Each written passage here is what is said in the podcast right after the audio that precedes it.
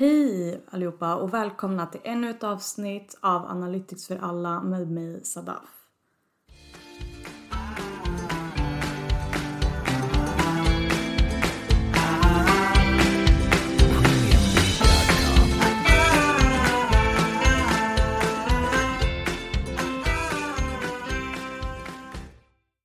Värmepannor, dörrlås, bilar, drönare, tandborstar, hunddörrar, parkeringsplatser, you name it. Det finns synbarligen ingen gräns för Internet of Things ambitioner. Varje dag ansluts över 5 miljoner nya saker till internet. Men vad är egentligen vitsen med Internet of Things? I dagens avsnitt så kommer jag att djupdyka i området och försöka att svara på dessa frågor.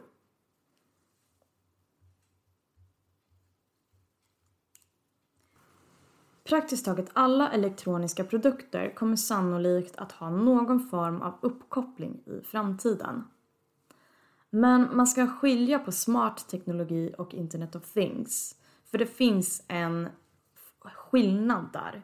Smart teknologi kräver inte alltid produkten, eller att produkten kommunicerar med andra produkter. I Internet of Things däremot så talar smarta föremål med varandra utan vår inblandning alls det vill säga människans inblandning.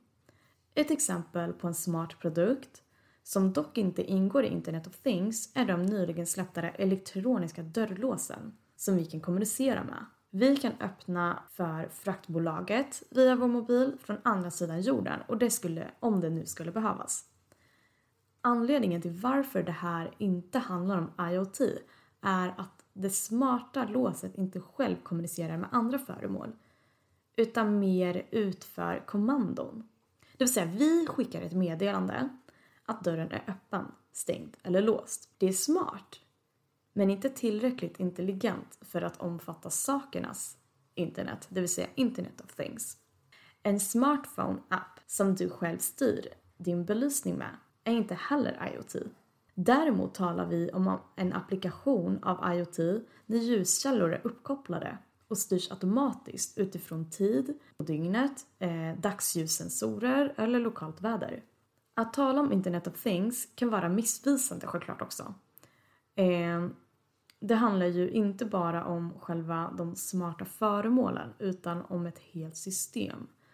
Något som har blivit mer vanligare med tiden är ju att ha ett smart hem som har vuxit och blivit allt mer populär bland konsumenter.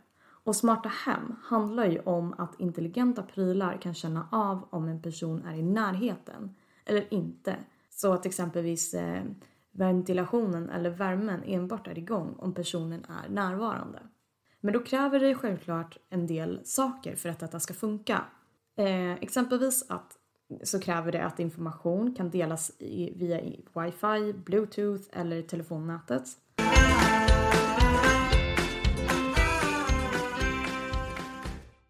En av de mer kontroversiella utvecklingarna inom sakernas internet, det vill säga Internet of Things, är just förarlösa bilar som är helt autonoma i sin styrning ute i trafiken. Det vill säga att bilen är trådlöst uppkopplad mot internet och andra biltrafikanter och kan snabbt samla in en stor mängd data för att kunna köra säkert. Och genom att bilen är uppkopplad mot internet kan den ta in information om att en eh, bilolycka har skett längre fram i rutten och därmed ger dig en snabbare rutt och byta riktning för att helt enkelt kunna ta dig snabbare till, en, till din destination. Eh, så här, allt detta som en människa inte har tillgång till hjälper bilen dig att styra. Men det behöver förstås inte bara vara över internet. Det kan också vara att bilen är ansluten till andra bilar i närheten. På så sätt så kan en bil varna andra bilister om att ett barn har sprungit ut på vägen så ni borde akta er när ni åker, åker den vägen också. Eller att det kanske har eh, framkommit is på väglaget och det kommer att kunna synas för andra bilar.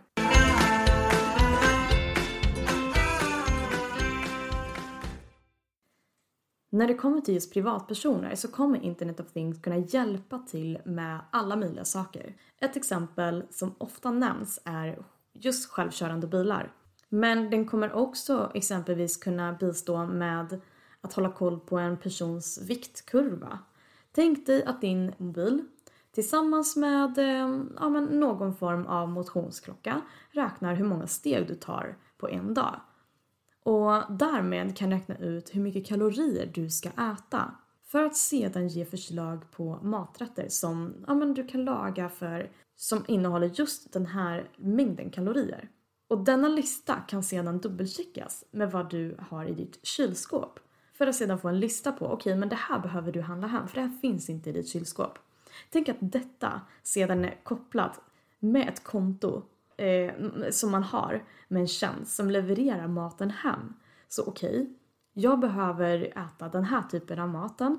Eh, mitt kylskåp säger att den här maten finns inte.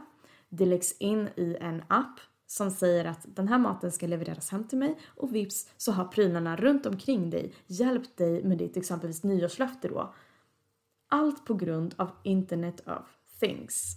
Jag personligen har blivit mycket mer intresserad och fascinerad av allt eh, som har med IoT att göra och har därför valt att ja, men, lära mig mer och förstå mer och eh, kanske i framtiden kunna ha ett mer smartare hem. Eh, men jag tror också att i slutet av dagen så är det väldigt viktigt att självklart också kunna tänka själv och inte bara förlita sig på att ja, men, teknologin löser det. Om vi går bara lite bort från IoT och exempelvis pratar om att komma ihåg saker så jag använder alltid min påminnelseapp i mobilen och jag vet mycket väl att om jag inte har skrivit upp det i appen så kommer jag automatiskt att glömma bort vad jag skulle gjort. Eh, om det inte var nedskrivet. Och det, jag kan inte förlita mig på det för att tänk om just den stunden då den ska påminna mig om grejen så har mobilen dött, jag, menar, jag har ingen batteri, jag glömde mobilen hemma och så vidare. Därför är det väldigt viktigt att vi ska självklart inte förlita oss fullkomligt på att teknologin löser allt. Men det är en väldigt skön lättnad i vardagen skulle jag kunna tänka mig med IoT runt omkring sig. Så ta detta mer med en nypa salt. Eh, för jag vet att det finns en del som har pratat med mig lite om att ja men du pratar väldigt mycket om att det här är bra och det här är bra men du säger aldrig det negativa eller det som kanske är mer, ja men att det finns konsekvenser av AI, det finns konsekvenser av IoT också. Så med en nypa salt mina kära vänner. Och därmed så rundar vi av podden. Det var en lite längre, eh, en lite längre inspelning idag faktiskt jämfört med vad jag brukar ha när jag är själv. Um, men jag har fått eh, feedback på, av er såklart på att ha fler eh, diskussioner i mina avsnitt även om det är bara om ett område jag pratar om. Så jag tar till mig och vi testar det så får vi känna på lite hur det känns. Och med det sagt så önskar jag er en superfin midsommar, superhärlig långhelg för er som har det. Jag ska passa på att bara andas, läsa en härlig bok ja, och bara vara. Ta hand om varandra så hörs vi tills nästa vecka. Och stay tuned!